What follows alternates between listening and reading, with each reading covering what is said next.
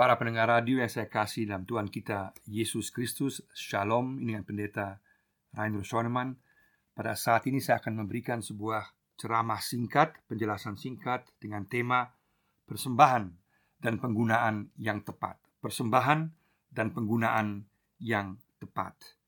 Bagian pertama adalah Dasar Alkitabiah mengenai persembahan. Dasar Alkitabiah mengenai persembahan Dasar pemberian persembahan secara teologis adalah sebagai jawaban terhadap anugerah dan kasih setia Tuhan yang telah dinyatakan Tuhan terhadap umatnya.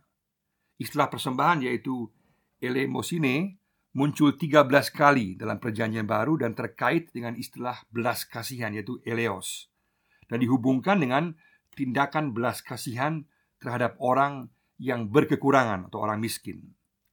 Dalam perjanjian lama, tindakan kebaikan terhadap orang miskin sangat ditekankan. Kata sedekah dalam ulangan 15, pasal 7 dan seterusnya, Mazmur 24 ayat 5, Mazmur 112 ayat 9, Ayub pasal 29 ayat 13 dan seterusnya, Amsal 10 ayat 2 dan juga Mika 6 ayat 5. Dalam hukum Taurat diberikan beberapa petunjuk yang penting dan mengikat berkaitan dengan sikap dan pemberian terhadap orang miskin. Pertama, dalam tahun ketujuh Seluruh hasil ladang gandum, kebun anggur, dan kebun zaitun harus dibiarkan dan diberikan kepada orang miskin. Keluaran pasal 23 ayat 10 dan 11 Yang kedua, setiap tahun ketiga Sepersepuluh dari semua hasil ladang dan kebun harus diserahkan kepada orang miskin. Ulangan 14 ayat 22 sampai 29 Dan ketiga, Orang miskin yang melewati kebun anggur atau ladang gandum boleh memakan sepuasnya sehingga kenyang, tetapi tidak boleh membungkusnya atau menggunakan sabit. Ulangan 23 ayat 24 dan 25.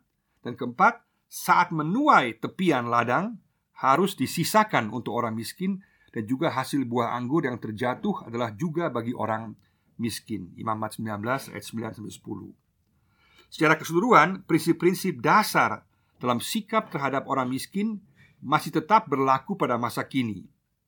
Sedangkan bentuk pertolongan dan pendampingannya haruslah disesuaikan dengan situasi dan konteks yang ada pada zaman sekarang.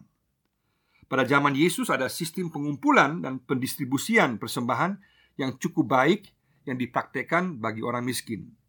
Selain peraturan hukum Taurat dan sinagoga, ada pembagian makanan dan pakaian bagi mereka yang memerlukannya. Yesus dengan tegas menggarisbawahi pentingnya tindakan-tindakan tersebut. Misalnya dalam Matius 6 ayat pertama sampai 4, Yohanes 13 ayat 29. Dan Yesus bahkan menyerukannya dalam Lukas 6 ayat 38 dan Matius 5 ayat 42. Juga pembicaraan Yesus dengan Sakeus Lukas 19 dan dengan orang muda yang kaya Matius 19 menunjukkan sikap Yesus terhadap mereka yang menyalahgunakan kekayaan dan tidak memperhatikan orang miskin. Akan tetapi perlu diperhatikan, ditekankan bahwa Yesus menolak pemberian persembahan dengan motivasi untuk mencari kehormatan, sekedar mencari muka atau nama.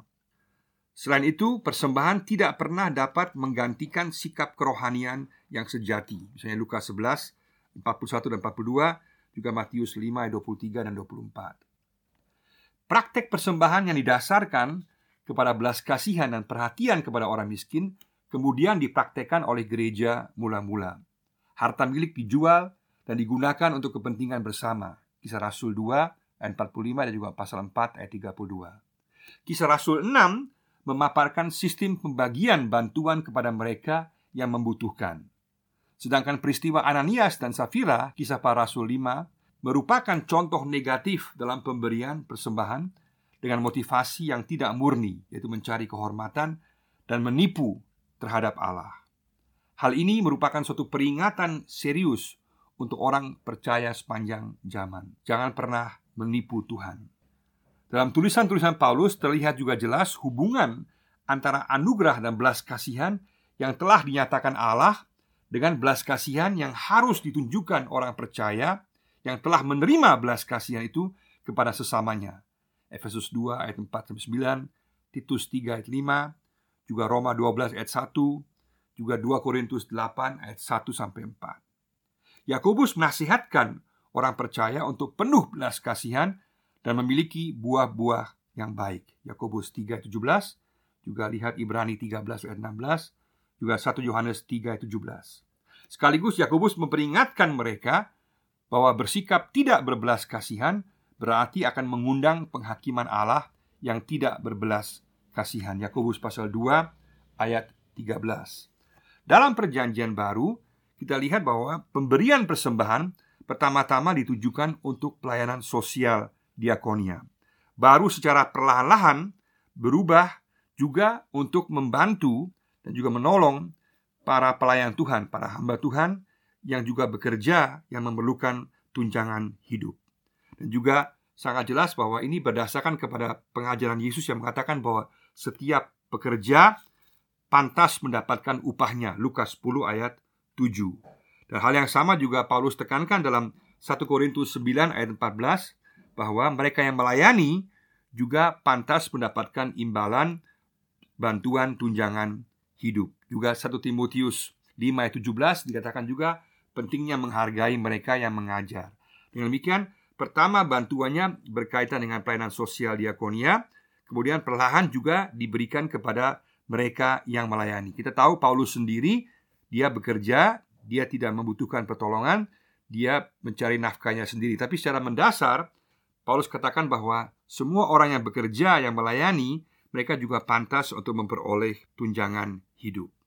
Kemudian secara bertahap sangat jelas bahwa jemaat mula-mula mengerti bahwa persembahan diberikan untuk pekerjaan Tuhan.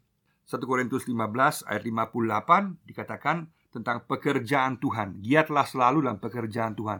Dan pekerjaan Tuhan bersifat sangat luas yaitu berkaitan dengan pelayanan baik pengajaran, penginjilan, sosial diakonia maupun pastoral. Dan juga ditekankan bahwa penggunaan uang dan juga penggunaan persembahan dipakai juga untuk perluasan daripada kerajaan Allah. Ini berdasarkan kepada perumpamaan Yesus misalnya di Lukas pasal 16 ayat 9 di mana Yesus mengatakan bahwa sangat penting bahwa kita pandai bijak menggunakan uang kita.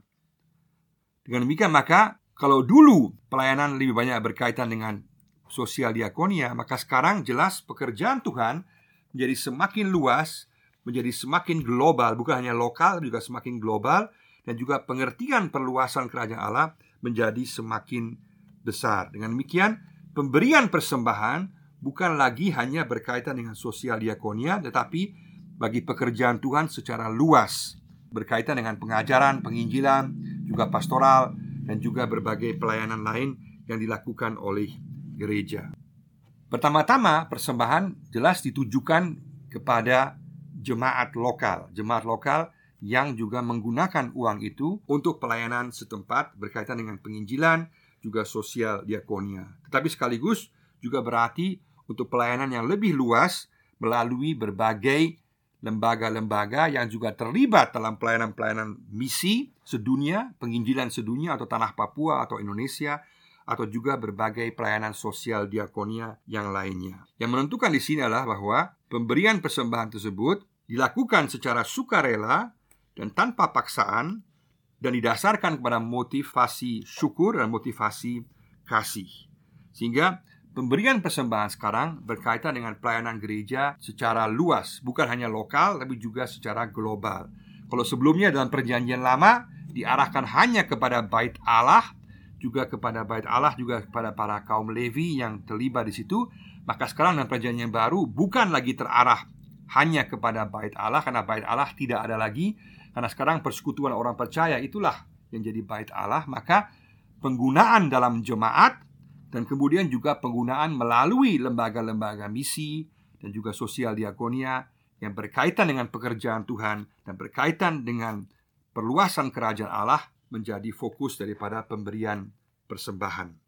Yang menentukan di sini adalah bahwa pemberian persembahan bersifat bertanggung jawab dan juga dipertimbangkan baik secara jelas penggunaannya kepada hal-hal yang primer dan juga bersifat hemat dan juga melihat bahwa bekerja sama dalam menanggung beban bersama untuk menanggung biaya dalam pelayanan baik penginjilan, pastoral, pengajaran sosial diakonia dalam segala hal sungguh-sungguh boleh bekerja sama dan juga menggunakan persembahannya secara bertanggung jawab dan juga terutama kepada hal-hal yang bersifat primer.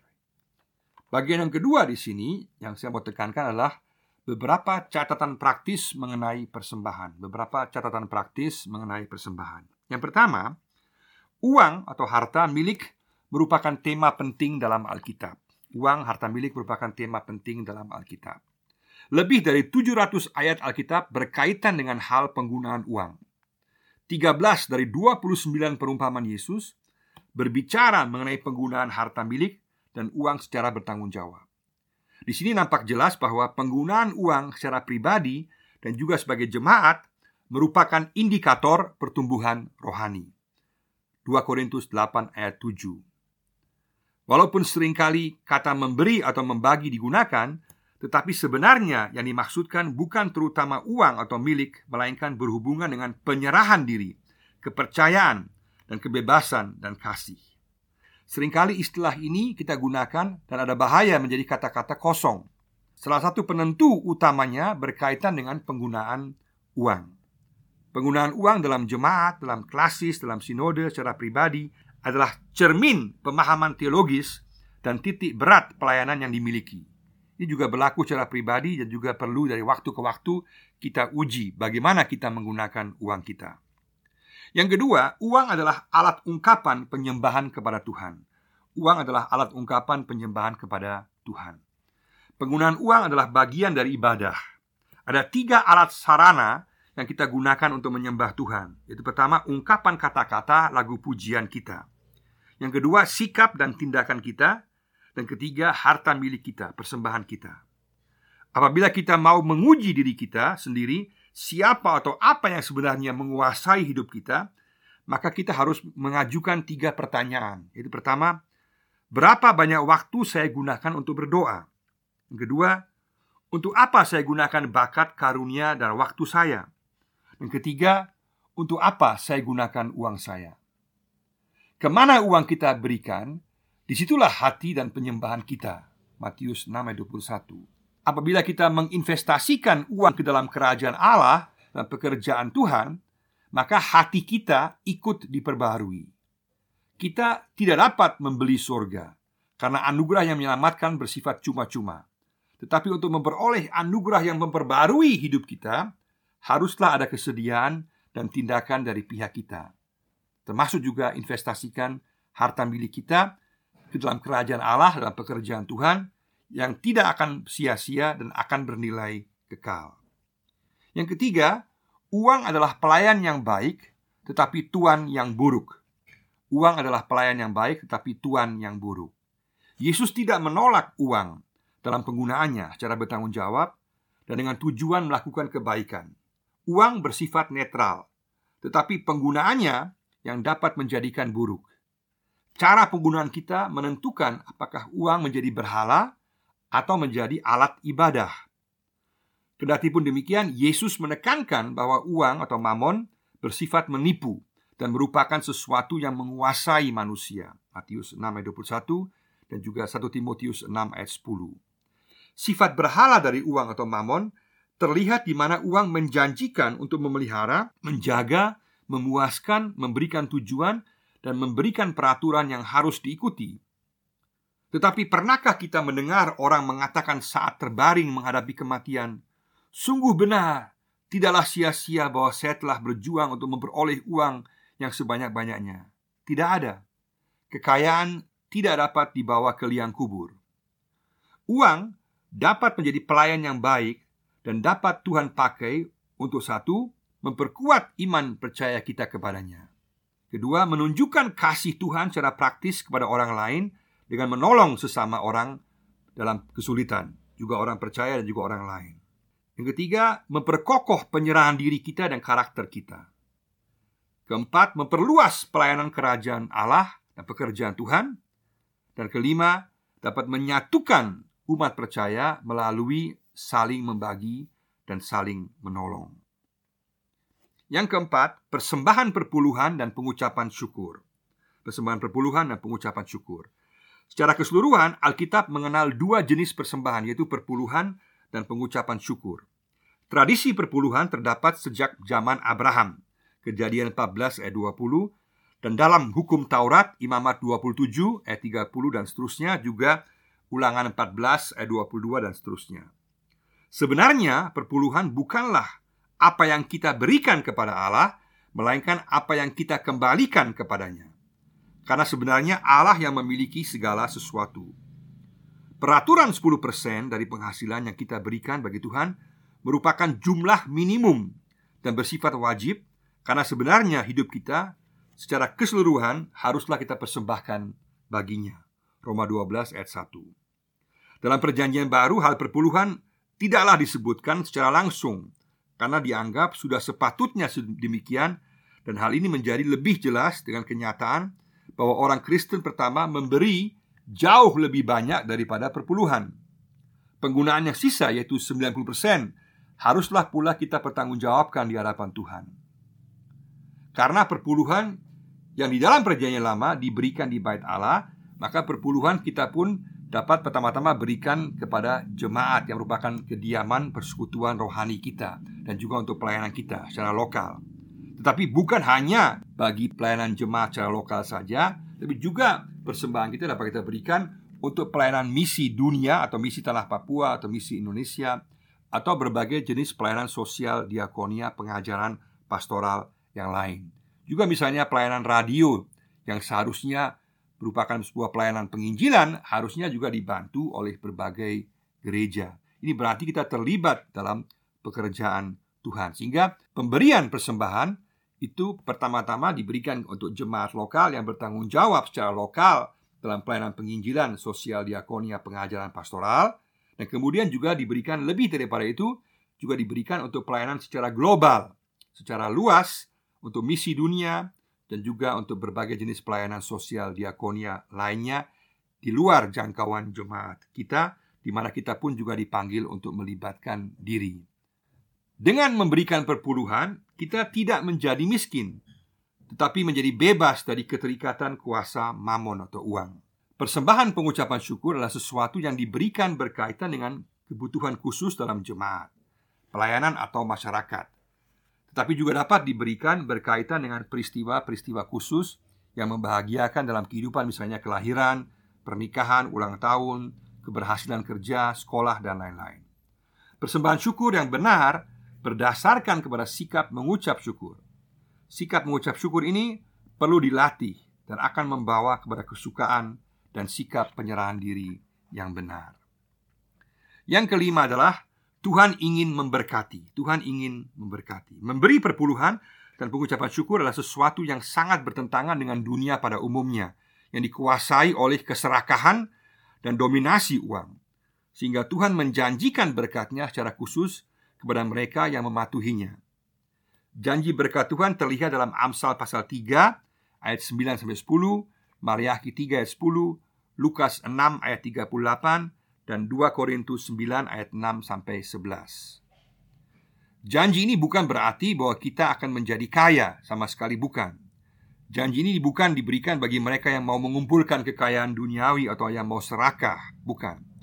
Janji ini menegaskan bahwa Tuhan tidak akan meninggalkan dan membiarkan mereka yang taat dan setia dalam memberikan persembahan dan juga akan memberkati mereka.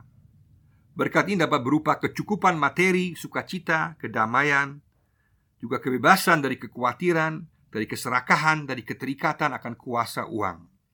Motivasi kita yang terdalam adalah sangat menentukan bagi Tuhan dan menunjukkan isi hati kita yang sebenarnya. Apakah kita memberi dalam sikap syukur, dalam sikap kasih. Itu yang akan menyenangkan hati Tuhan. Peristiwa Ananias dan Safira, kisah para rasul 5, merupakan sebuah peringatan yang keras dan mengajarkan berbagai prinsip rohani yang penting. Pertama, Allah tidak dapat ditipu, maka kita dipanggil untuk memberi dengan jujur. Kedua, tidak ada paksaan untuk memberikan seluruhnya, tapi adanya asas sukarela, memberi dengan sukarela. Ketiga, motivasi memberi bukanlah mendapatkan penghormatan manusia. Yang keempat, memberi berarti bersedia berkorban. Yang kelima, memberi atas dasar kasih dan syukur. Dengan demikian, janji berkat Tuhan berlaku atas mereka yang jujur dan juga memberikan dengan sukacita, dengan kerelaan dalam kasih, maka Tuhan akan memberkati kita. Dan Tuhan akan memberkati mereka yang dengan jujur mengelola persembahan dengan kesungguhan untuk pekerjaan Tuhan secara luas, baik dalam jemaat maupun dalam konteks yang lebih luas, dalam konteks global, untuk pelayanan misi sedunia, pelayanan sosial diakonia, pengajaran, dan juga pelayanan pastoral. Yang ketiga di sini, yang penting adalah beberapa langkah praktis sehubungan dengan persembahan. Beberapa langkah praktis sehubungan dengan persembahan. Secara keseluruhan, pola pemberian persembahan kita harus memperhatikan keseimbangan antara kewajiban memberi dengan kesukarelaan atau sukacita dalam memberi. Di sini perlu ditekankan pentingnya motivasi yang murni sebagai wujud kasih, wujud syukur. Di sisi yang lain juga sangat mutlak adalah penggunaan persembahan secara transparan dan bertanggung jawab dengan sistem pelaporan yang jelas serta kemampuan untuk melihat hal-hal yang merupakan prioritas yang sungguh penting dan membedakannya dari hal-hal yang bersifat sekunder dan hanya merupakan keinginan semata-mata. Artinya, pemberian persembahan, penggunaan persembahan haruslah terutama kepada hal-hal yang bersifat primer yang utama dalam jemaat berkaitan dengan pengajaran, sosial diakonia, penginjilan, pastoral itu harus sungguh-sungguh nyata dan dijelaskan kepada warga jemaat. Karena dengan hal demikian itu akan memberikan motivasi tambahan kepada warga jemaat untuk memberi. Sistem pelaporan yang baik akan memotivasi warga jemaat untuk memberi karena melihat kebutuhan yang nyata dan juga melihat dampak pemberiannya. Hasil penelitian perlu diperhatikan bahwa ada tiga kategori besar kelompok pemberi persembahan yang memiliki ciri dan orientasinya masing-masing. Pertama, kaum muda sampai usia 30 tahun cenderung hanya memberi untuk program-program atau proyek-proyek tertentu yang menarik dan masuk akal untuk mereka. Mereka bersifat program orientated atau project orientated. Artinya kelompok ini suka memberi kalau proyeknya jelas, menarik bagi mereka, mereka akan memberi. Kelompok yang kedua adalah kelompok dewasa usia 31 sampai 45 cenderung memberi kepada pribadi-pribadi yang mereka kenal dan dapat dipercaya dalam penggunaan keuangannya. Bersifat personal orientated. Artinya kelompok ini mereka lihat siapa yang bekerja di situ, siapa yang melayani di situ, siapa yang bertanggung jawab, siapa yang menggunakannya. Kalau mereka percaya, mereka akan memberikannya. Kelompok yang ketiga adalah kelompok dewasa usia 46 tahun ke atas. Mereka cenderung memberi kepada organisasi dan lembaga yang mereka kenal termasuk gereja. Sehingga mereka bersifat organization orientated. Artinya mereka kelompok 46 tahun ke atas ini mereka cenderung memberi kepada lembaga. Ini berarti pemberian visi memberi penjelasan program atau proyek dan pelaporan keuangan penggunaan persembahan menjadi sangat-sangat penting agar motivasi memberi akan terus terjaga dan tidak menimbulkan kecurigaan yang lambat laun akan sangat merugikan dan mengurangi pemberian secara drastis. Secara praktis ada beberapa langkah yang perlu diperhatikan sehubungan dengan praktek persembahan. Yang pertama, berikanlah visi mengenai penggunaan uang dalam jemaat atau gereja. Tujuan penggunaan uang harus terus dijelaskan agar dimengerti warga jemaat dan memotivasi mereka untuk memberi. Yang kedua, berikanlah laporan pertanggungjawaban yang transparan. Sekali tidak dipercaya, maka akan sulit memulihkan kepercayaan kembali.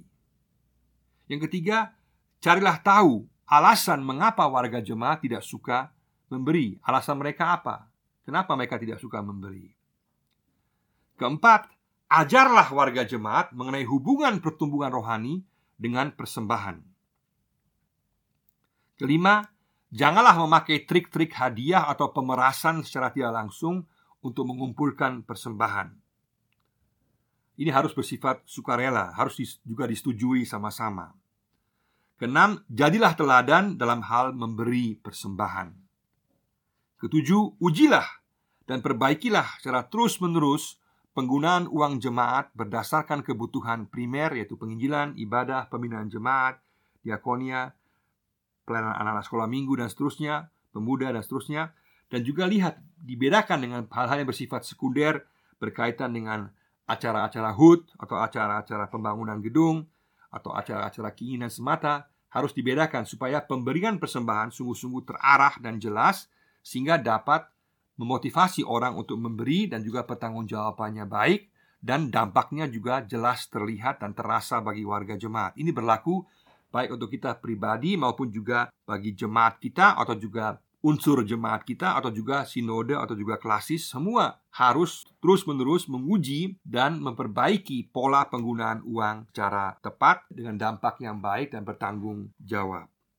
Sekali lagi, Tuhan mau supaya kita memberi dengan motivasi kasih, motivasi syukur dan juga kita menggunakan uang kita dengan cara bertanggung jawab dan juga kita mempertimbangkan penggunaan uang kita dengan baik untuk hal-hal yang bersifat primer dan juga kita membagi beban bersama-sama sehingga persembahan dapat menjadi berkat bagi jemaat tapi juga pelayanan global dunia, misi dan juga sosial dunia secara keseluruhan. Pemberian persembahan dapat dilakukan dengan berbagai cara. Itu tergantung kepada sistem dalam jemaat atau sistem pribadi kita. Yang penting pertama-tama kita bertanggung jawab kepada Tuhan. Pemberian perpuluhan kita pertama-tama kita bertanggung jawab kepada Tuhan, persembahan syukur kita kepada Tuhan dan pemberian kita kita sesuaikan dengan situasi jemaat kita dan juga tentang pelayanan-pelayanan lain yang bersifat misi dunia yang berkaitan dengan pelayanan global di dunia ini. Kiranya Tuhan menjadikan kita pemberi-pemberi persembahan dengan ucapan syukur dan juga kita menggunakan persembahan kita dengan bertanggung jawab di hadapan Tuhan. Kiranya Tuhan memberkati kita semua. Amin.